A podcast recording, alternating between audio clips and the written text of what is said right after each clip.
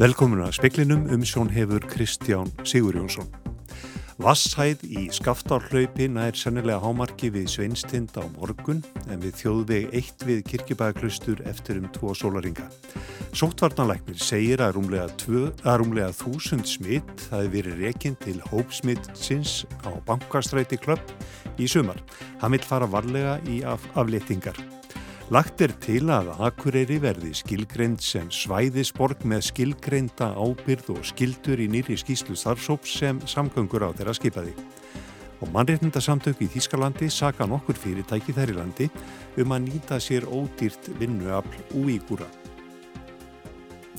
Við byrjum fréttinnar í speklinum aust stendur í Skaftártungu í vestur Skaftárfellsíslu. Það er Bjarni Rúnarsson, frettamæður að fylgjast með Skaftárhlaupi. Bjarni, hvernig er staðan þarna núna?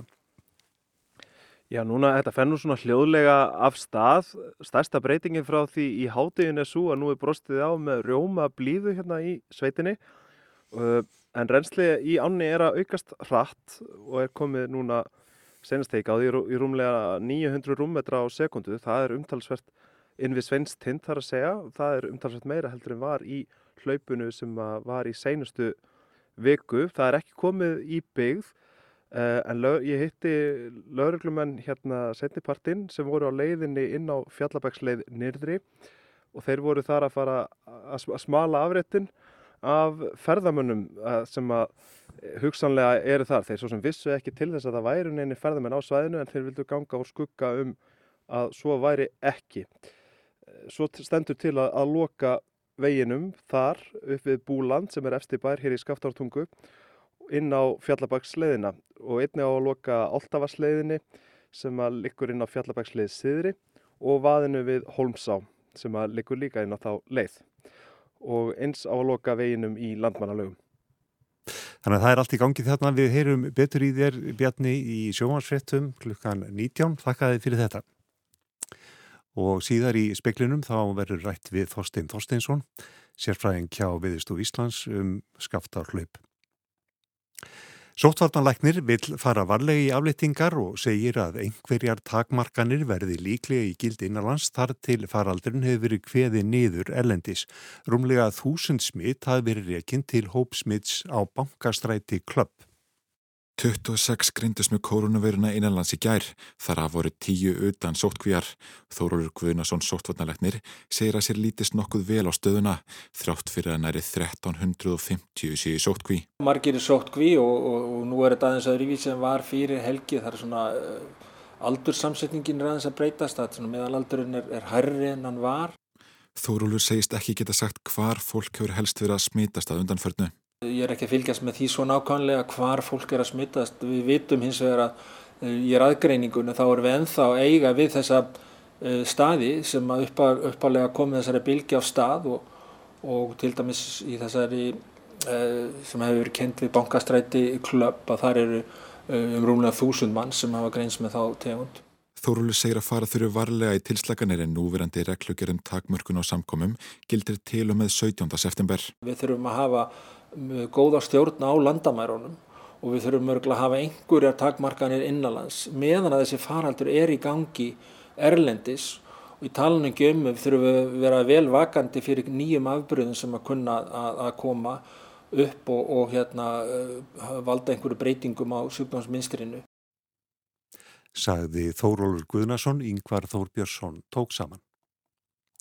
Starfsópur sem skipaður var til að skilgreina svæðisbundi hlutverka Akureyrar sem þjettbíliskjarna á landsbyðinni leggur til að Akureyri verði byggðastefnu stjórnvalda flokkuð sem svæðisborg með skilgreinda ábyrð og skildur. Eftir skamastund verður Sigurði Inga Jóhansinni samgöngu og sveitistóknara þeirra aðfend skísla starfsópsins norður á Akureyri og þar er Ágúst Ólarsson fréttamaður. Já, hér hjá mér er Birgir Gummarsson, formaður þessar starfshóps. Birgir, já, þið viljið flokka Akureyri sem svæðisborg. Uh, já, af hverju það? Já, Akureyri hefur í raunni þjónað sem, sko, hefur þjónað ákveðinu borgar hlutverki hérna. og uh, við köllum þetta svæðisborg vegna þess að við erum ekki endilega að horfa á höfðatöluna sem slíka eins og gert er stundum þegar talaðar um borgir heldur fyrst og fremst út frá skilgjörnum við út frá hlutverki akkurirar fyrir svæði og þess vegna köllum þetta svæðisborg eða þess að við stundum kalla regional city líka. Mm.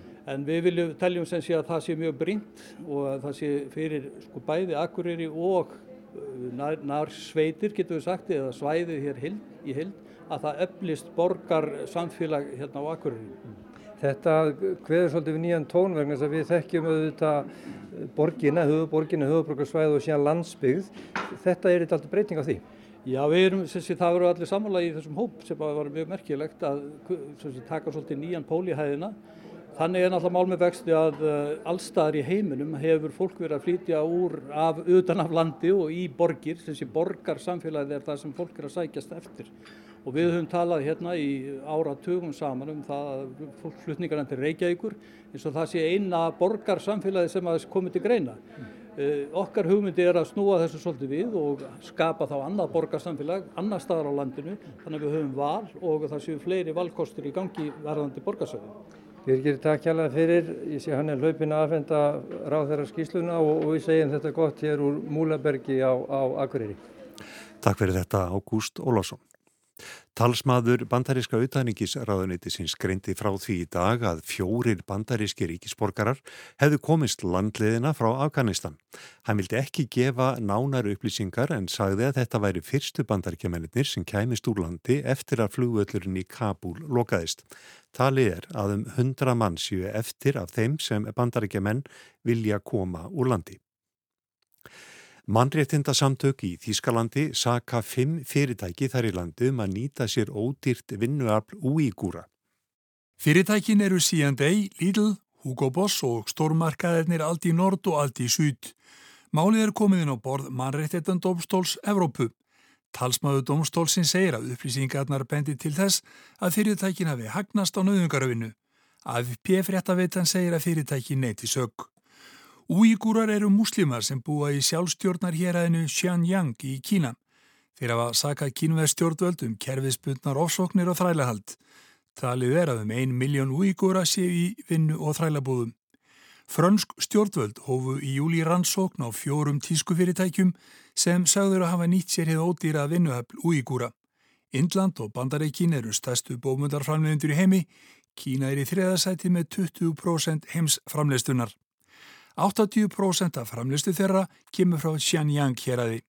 Kínverðar neyta sög en mörg fyrirtæki hafa hætti viðskiptum við á fyrirtæki á borð við Uniqlo, H&M, Nike og Adidas. Arnar Björnsson sæði frá. Umfang mála sem er aðtá bort persónuverndar hefur umlega fjórfaldast á tæpum 20 árum. Málinn sem stopnuninn á að fjalla um eru allt frá því að fjallum hvort að glærir plasspokar tengist vinslu persónu upplýsinga og að floknum vísindaransóknum og öryggi einstaklinga í því samhengi. Heilbreyðsráðuneytið hugðist nýlega kall eftir persónugreinanlegum upplýsingum frá undirstofnunum um livjanótkun greiðslu sjúkratrygginga til þeirra sem óska eftir endurgreiðslu í heilbreyðskerfinu og ímsum upplýsingum frá ennbætti landlæknis. Markmiði var spartnaður að sögn forstjóra persónuvendar en þar var farið gegn lögum um persónuvend. Annað dæmum brot á persónuvendalögum nýlega eru öryggisbrestir svonendir, meðal annars vegna þess að upplýsingar hafa farið á rángan stað, glatast eða breyst, þó nokkur dæmir um slíkt til dæmis hjá fjármálastofnunum, tryggingafélögum og innan heilbriðistjónustunar. Dómstólar eru þar engin undantekning því netbyrting dóma með persónu greinanlegum upplýsingum geta fallið undir öryggisbresti.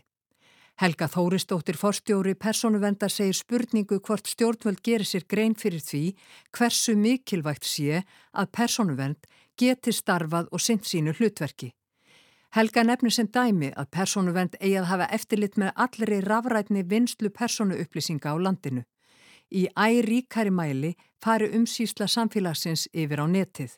Gera verði persónuvend kleift að sinna sínu starfi. Það var Ólöf Rún, skúladóttir sem að sæði frá. Og þá höldum við áfram í flóðinu í Skaftá og hingað til okkar er komin Þorstein, Þorsteinsson Jarðelisfræðingur hjá Viðstofu Íslands, hann hefur rannsakað jökla hér á landi. Þorstein, við heyrðum í Bjarnar Rúnarsinni frettamanni hér áðan og hann var að segja frá því að hlaupið væri nú ekki kominir í byggð en það hefði, það væri umtalsverð, já, aukning á vaksmagnir þarna við sveinstind.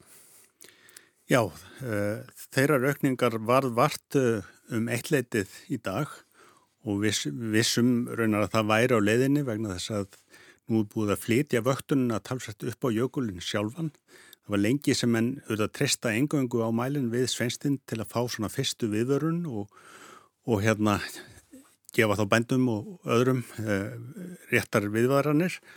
En nú er búið að koma GPS mæli stöð upp í Eistri skaftarkalli sem að getur gefið viðvörun með alveg sólarhengsfyrirvera eða eitthvað þar umkring og svo hefur veðstofan og jærfistastofn í saminningu með stöðningi í rannsóknarmiðstöður Íslands sett upp hérna eh, GPS stöðvar yfir farveginum eh, þar sem að rennur undir skaftarjökul. Þannig að við erum komið með svona talsvett net af mælum sem að gera það kleft ásamt hérna því að greina óróa þegar verða svona smáskjáltar í tengslu með hlaupið. Eh, gerir alveg kleft að svona fylgjast með hlaupinu frá því að það leggur að stað ofan á kallinum, niður á jökulrönd og að sveinstindi og svo áfram niður úr. Þetta er um 40 km leið eins og ofta hefur komið fram frá skattákalli að jökuljæðri og samkamt þeim gagnum sem við verðum að skoða í dag sko þá uh, verðist sem vatnið hafi lagt af stað svona um fjöguleitið í gær og kemur síðan fram á sveinstendi um eittleitið í dag eftir hátti og þetta er þá svona 18-20 klukkutímar sem það tekur að fara undir jökli þar sem meðalhraðin er svona 2 kílometrar á klukkustund. Það er svona frekar róleg ferð á því undir jöklinum, það þarf að brjóta sér þarna leið og menn eru búin að sjá einn til þessa liftingu sem verður á þessum GPS stöðum þarna á skaftarjöklinum auk þess sem menn sáu þessa, þetta sig á ísællunni sjálfri yfir skaftarkalli. Nú síðan tekur mælirinn við sveinstind við og sínir að vassrenslið ekst mjög snögt og það bara rauninni, það er aldrei neitt um að villast þegar sérstaklega þegar hlaupin úr eistri kallinum koma. Þetta hlaup kemur reyndar ofan í smerra hlaup sem allir vita af sem byrjaði 1. september og er núna búið að reyna niður og það var svona freka búist í því að eða allt eins að, að sá eistri geti hlaupi líka vegna þess að það hefur verið verið hlýjandi og yfirborsleysinga og vatnajökli og, og slikt og báðir kallandin fullir og það gerðist einmitt sko. og við sjáum samkvæmt nýjastu gögnum að reynsliðu komið yfir þúsund rúmetra á sekundu núna og satt að segja þá lítur þetta svipað út og ferillin í hlaupinu 2015, það er með allra stærstu hlaupum sem að sögur fara af. Þetta skýrist nú á næstu klukkutímum en það stefnir í stórt hlaup. Ekki ólíklegt að reynslið fari yfir 2000 rúmmetra á sekundu og að þetta ná í hámerki við sveinstind eh, einhvern tíma á morgun líklega annað kvöld, sítiðis eða annað kvöld ná eða hámarki við sveinstind. Mm. Hvað er þetta markfald reynsli skaftar? Er þetta hvað, 15 sinnum eða 20 sinnum? Það er nú mjög algengt að það sé svona 100 rúmmetrar á sekundu í skaftá. Mm. Þannig að þetta fer alveg upp í það að vera tvítugfælt meðal reynsli skaftar. Það er reyndar þannig núna að það er ofennja hátt grunnreynsli eins og við köllum það vegna eh, úrkomu sem hefur verið að undarföldnu og það þarf að draga það frá þegar maður rekna en það, eh, já, þetta er bara undtalsvært reynsli sem að þarna er í gangi núna og er að aukast mjög skart. Já, það er kannski svolítið erfitt fyrir aðra en, en heimamennu og þá sem eru vel kunnið þarna að átta sig á aðstæðum, þetta er svolítið flókin landafræði. Skafta hún, uh, hún kvíslast í tvent? Já, hún fer þess að 25 km leið frá jökuljáðri eða sveinstindi, svo eru aðri 25 km niður að hólastjóli sem mann ekki kannast við sem svona áningastað á leiðin á hálendið og þar verður að gæta það núna vegna þess að í, í svona miklu reynsli þá getur vatnið flætti yfir veginn sem leikur þarna uppöttir og mér skilst að það sé nú búið að loka mm. vegum. Uh, síðan heldur þetta áfram niður Skaftádalinn og það er uh, svona yfirleitt um 10 klukkutímar, 8-10 klukkutímar sem það tekur vatnið að fara frá sveinstindi Eh, niður í niður undir hérna stöðina við eh, eldvatn. Eldvatn er önnur þessar að tveggja kvísla sem að verða til úr skaftá. Eh, Sú kvíslinn sem fer að kirkjubæjar klöstri og undir brýtnar þar og svo þar til sjávar, hún ber áfram nafnið skaftá en hinn kvíslinn kallast eldvatn, fer út í flögulón, svo í kúðafljót og svo til sjávar. Og mælirum við eldvatn, ég sagði að það væri svona tíu klukkutímar eða svo frá sveinstindi niður að þeim mæli. Hann er ekki farin að sína aukið reynsli ennþá en við búumst við að það verði núna í kvöld. Þorstein Þorstinsson, takk hjá laði fyrir komuna í speilin, en það lítur greinilega út fyrir stort hlaup. Það stefnir í það, já.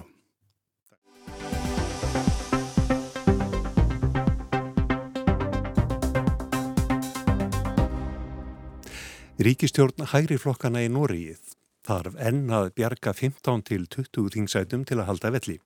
Allir fjóri stuðnisflokkar stjórnarinnar tapa fylgi og mestu munar að ungt fólk í stærstu bæjum hallast að rótækum flokkum lengst til vinstri. Kostningabaráttan er á lokaspretti en kosið verður 13. september. Gísli Kristjánsson. Meiran fjórðungur kjósenda hefur þegar kosið. Það er meira nokkru sinni fyrir. Þeim atkvæðum verður ekki breytt núna á lokasprettinum. Og nú rýður á fyrir Ernu Solberg, fósætisráþra og formann hægri flokksins að flytja atkvæði yfir miðlínuna. Það er að fá fólk sem í skoðanakönnunum segist alltaf kjósa til vinstri til að kjósa til hægri á kjöru degi. En nú erum færri sálir að keppa þegar svo margir kjósendur hafa þegar skilað inn atkvæði sínu. Fremstu spámenn hér segja að ríkistjórnarflokkarnir þurfi helst að fá um 10% af kjósöndum til að skipta um skoðun núna síðustu vikuna sem er til kjördags. Kjörsókn virðist ætla að verða mikil en er nokkur hópur óakveðin þannig að þangaðir fylgi að sækja en samt skoðanakannani sína lítið flögt á fylginu núna síðustu vikurnar. Meðaltal allra kannana í september sínir að stjórnar anstaða á möguleika á að ná alltaf 100 þingsætum en ríkistjórnin heldi þá aðeins 69 sætum. Þarna skiptir auðvitað miklu hverjir af litlu flokkonum ná yfir 4% markið til að ná uppbótarsæti.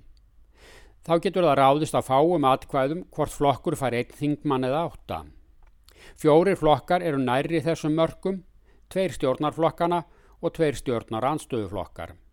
En staðan núna er ótvírætt svo að Erna Solberg og hennar fólk þarf að næli í minst 400.000 atkvæð á loka sprettinum.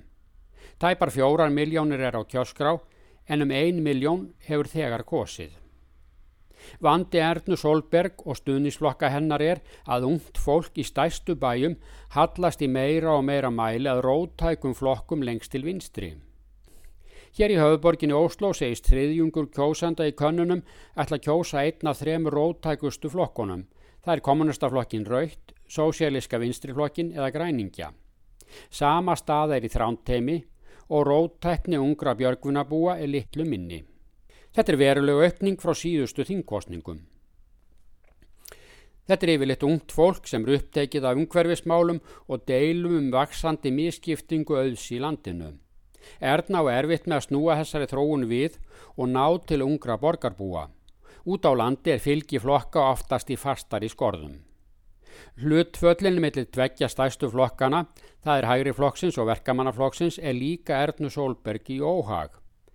Þar munar í konunum núna yfirleitt um 4% stugum verkamannaflokknum í vil með 24% á móti 20% hjá hægri flokknum. Bilið á millið þessara stóru flokka hefur haldist jaft í sumar. Þessi staða þýðir að Jónaskar Störi, formaður verkamannaflokksins, fær næstur tækifæri til að mynda ríkistjórn. Og hann þarf þá að samina fimm ólíka stjórnmálaflokka að baki sér. Það er þrautinn hingri, sérstaklega það sem flokkar sækja ekki stuðning í stjórnarmyndun þvert yfir markalínuna millir hægri og vinstri. Það verið í það minnst ekki gerst til þessa þau 137 ár sem liðurinn eru frá því að þingraðislega ríkistjórn var fyrst myndu þér í Noregi. Nema tími sögulegra sátta renni einmitt upp núna.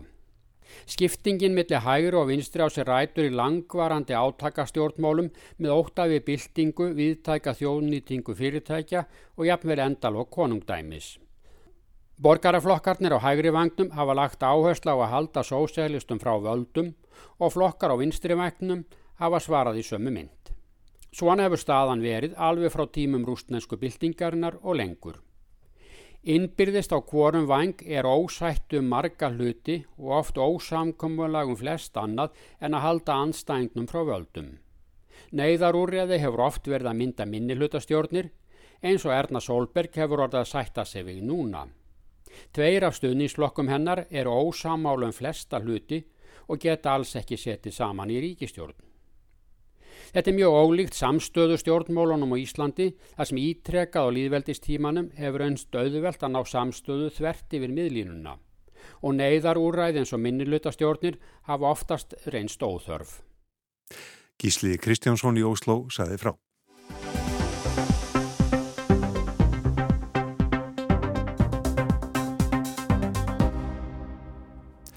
Réttindi og skildur starfsmanna og vinnuveitenda vegna fjárvinnu verða mikilvægur líður í næstu kjærasamningum að mati sérfræðins í kjæra og réttindamálum hjá bandalagi háskólamanna. Vinnuveitandi ber ábyrð á heilbriði og öryggi starfsmanns í fjárvinnu og hefur rétt til að taka út starfstöðina á heimili hans. 60% félagsmanna BHM telja að það sé mikilvægt að bandalagið beiti sér fyrir því að réttur til heimavinnu verði tryggður í næstu kjærasamningum. Það var í það minnsta niðurstaða könnunar sem BHM let gera í vor og 16.000 manns tóku þátt í á netinu. Þannig hafa margir áhuga á því að sinna eða getaða einhverju leiti sint fjárvinu áfram en það kveikna allskinn spurningar um réttindi og skildur í þessu nýja og sveianlega starfsumhverfi sem á búast við að verði að einhverju leiti tekið upp á einhverjum vinnustöðum. Karen Ósk Pétursdóttir er sérfræðingur í kjara og réttindamálum hjá BHM. En við bara búum í því kjara umhverju í dag að það er lítið sem ekkert ummynda í kjarasamningum og eflaust í fáum ráðningarsamningum. Þannig að það er svo margt svona ósvarað og margt svona gráu svæði kannski sem að væri mjög gott eh, fyrir bara báða aðila, vinnuveitenda sem starfsmann, ef að væri svona aðeins skýrara í kjærasamningum. Svona hvaða reglur og, og svona línur eh, maður er að ganga út frá í þessum málum og hvort að það sé í raun og veru nákvæmlega sömu réttindi og skildur og þegar að starfsmæður er á sinni vinnustöð á sínum vinnustaf og þegar hann er á vinnustöðunni sinni heima. Já, algjörlega. Eins og þetta er í dag, þá náttúrulega liti á að það sama gildur um starfsmann hvort sem hann er á starfstöð vinnuveitanda eða í fjárvinnu, til dæmis heima hjá sér eða á einhverjum öðrum fjárvinnu stað. Eh, það er í raun bara öll ákvæði kjara samnings og laga sem ná jæmt til eh, starfsmannsins og, og vinnuveitandi að bera framfylgja gagvart starfsmanninum og því hvernig vinnu fyrirkomulagi er. Það má alveg velta fyrir sér hvort að verði einhver breyting á þessu uh, í komandi kjærasamningum eða í framtíðinni.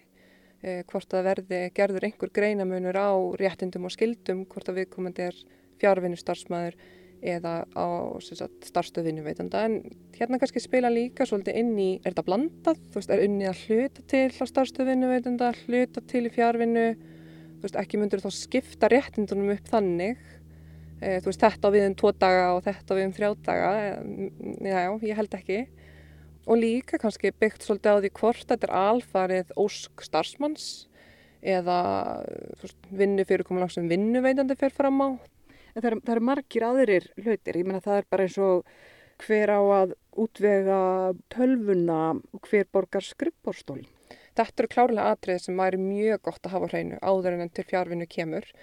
Það er í raun í dag eins og ég nefndi á þann engin ákveði eða fá ákveði um þetta í kjærasamningum allavega aðaldi fíla BHM. Það er ekkert komið inn á þetta nákvæmlega hver ætti að greiða þessa þætti en almennt er litið svo á að vinnuveitandi skaffi þann búna sem þarf til þess að vinna vinnuna Við erum með gildi eh, samkómalag síðan 2006 við ofinbæra aðila og sambarlegt samkómalag við almennu vinnumarkaði og þar er hveðið áum sko að þessa þætti þarf að semja um fyrirfram en það er ekkert sagt nánar um þetta gildir, þetta gildir, heldur bara þetta er þau atrið sem gott er að hafa í huga og gott að semjum áður en út í fjárfinu farið. En eins og við veitum öll að núna hérna, heimsfaraldrunum þá var ekkert, það vissu ekkert að það var að koma heimsfaraldur að hérna, þannig að þar að leiðandi var mögulega þessi hérna, ákvæði ekkert til og höfðum því ekkert þess að byggja á og hérna öllum bara svolítið svona þrýst út í þetta og svo komu spurningarnar eftir og já, býtu hver á að greiða fyrir tölvinu og hver á að greiða fyrir skrifbórstólin og þetta er bara klárlega atriði sem að verða stór, stór atriði í komandi kjærasamningum og var mjög gott að allan að skýra eitthvað aðeins nánar. Víða týðkast samgöngustyrkir eða bílastyrkir.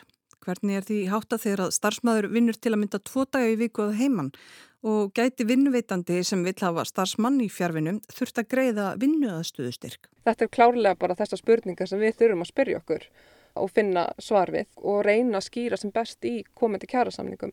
Það má líta svo á að hafi verið stíi allan eitthvað skref í þessa átt núna í síðustu kjærasamningum því að Í samningum aðaldafíla BHM og ofinbæra aðala má finna til dæmis ákveði um viðverustefn og vinnusta og það máli velta fyrir sér hvort að það er undir gæti fallið einhver ákveði um fjárvinnu í viðverustefnunni. Nú og svo í kjærasamningi sem var gerður í sumar aðaldafíla BHM við samtöku aðunulífsins þar má finna bókun um fjárvinnu. Svo sem segir ekkert nákvæmlega hvað skal gilda eða gera í fjárvinnu en svona þetta er svona byrjað að mjallast inn í kjærasamninga og hérna, kemur klárlega með einhverju trombi núna í næstu samningum og komandi árum. Þegar fólk slasast í vinnunni til að mynda í mötuneytinu og vinnustæðunum ber vinnustæðurinn ábyrð en hvað er fólk slasast í eldhúsinu heima hjá sér í hádegislíi á miðjum vinnudegi, Karin Ósk? Það er einn þannig að vinnuveitandi ber ábyrð á heilbrið og öryggi starfsmanna vegna vinnunar, bara samkvæmt lögum og kjárasamningum og það er þá algjörlega óhað því hvort að starfsmæðurinn er fjárvinnustarfsmæður eða ekki eins og staðin er núna og það máli velta fyrir sér hvort að vera einhver breyting á þessu, ég vona nú ekki en við sjáum hvað hva gerist. En vinnuveitandin, hann hefur þá rétt á því að taka út vinnustöðunar, ekki? Jú, það er í samkvæmulæginu að með minnir síðan hann að 2006 sem að í rauninni kveðið áum að vinnuveitanda er heimilt að koma og taka út starfstöð starfsmanns á heimili en að sjálfsögðu innan ramma kjærasamninga og laga og líka bara með góðum fyrirvara. Á mörgum vinnustöðum er unnið með trúnaðarmál og viðkvæmar persónu upplýsingar um viðskiptavinni eða skjólstaðinga. Mega börn og makar verða vittniða símtölum um trúnaðarmál eða persónuleg mál annara. Nei, í raun ekki. Það, eins og ég segi, þú veist, þú ert í raun að heimfæra bara starfstöðuna yfir á, í þessu tilfelli þá heimili, starfsmanns í fjárvinninni og það er í raun ennþá sömu ákveði um persónavend og meðferð trúnaðamála og allt það sem gildir og það er þá líka alveg ábyrg starfsmannsins að gæta þess jámt sem vinnuveitandans að tryggja að viðkomandi geti gætast til dæmis með að hafa all tölumálinn á hreinu og hvað var það netöryggi og þess áttar. Þetta er bara á algjörlega við líka á fjárvinnu stað. Mörg á milli vinnu og engalífs hafa máðust talsvert út með aukinni netvæðingu. Fólk svarar skilabóðum og tölvuposti á kvöldinu og um helgar þrátt fyrir að veri frí. Þegar að vinnuveitandi skaffar búnaðin á heimilið og greiðir jafnvel eitthvað kostnaði eins og nettengingu hlýtur að vera hægt á að ger sér krafa um að starfsmæður sinni vinnu í auknumæli í frítíma heimaferir eða að samviskusamur starfsmæður vinni lengur en hann fær greitt fyrir nú eða að einhver slugsi í vinnutímanum. Karin Ósk telur að með fjárvinu sé hægt á að mörg á milli vinnu og engalífs máist enn meira át á sama tíma og það gæti verið ákvægt fyrir alla að hafa aukinsvegianleika byrjir starfsmæður og vinnuveitandi sameigilega ábyrð á vinnutíma. Það sannarlega hjálpar ef það eru skýr ákvæði um þetta, um skil þarna milli en þetta líka þá náttúrulega ábyrð starfsmannsins að, að passa svolítið þessa línu. Bara gott dæmi Það sem fjárvinnan gæti til dæmis gert er að starfsmaður sem að öllu jafna myndi ringja sein veikan ákveður bara, æ, jú, ég get nú svo sem alveg tekið þennan fund hérna heima núna. Alveg svo þetta er sannarlega e, mál vinnuveitandans, þá er þetta líka mál starfsmannsins að passa svolítið upp á þetta. Og það er það bara líka svolítið okkar hlutverk að koma því á framfæri og, og minna reglulega á það til félagsmanna okkar sagði Karin Ósk Pétustóttir, sérfræðingur í kjara og réttindamálum hjá BHM. Ragnhildur Tólasíus rætti við hana, rætt verðu við fulltrúa samtaka aðtunlífsis um réttundi og skildur vegna fjárvinu í speklinum síðar í vikunni. En í speklinum í kvöld var það helst að útlýttir fyrir að skaftárhlaup nú verði jafn stort eða stærra en hlaupi 2015 sem er með stærri skaftárhlaupum. Rensli við Svinstind er komið yfir 1000 rúmetra á sekundu og nær senlega hámarki á morgun. Rensli getur þá farið yfir 2000 rúmetra á sekundu. Sóttvartanleiknir segir að rúmlega, tvö, rúmlega þúsund smitt hafi verið rekinn til hópsmittsins á bankastræti klöpp í sumar, hann vil fara varlega í aflýtingar. Og mannendasamtök í Þísklandi saka nokkur fyrirtæki þeirra landi um að nýta sér ódýrt vinnuafl úi gúra. Fleiri er ekki speklinum í kvöld, tæknimaður í útsendingu var Magnús Þorstedt Magnússon, veriði sæl.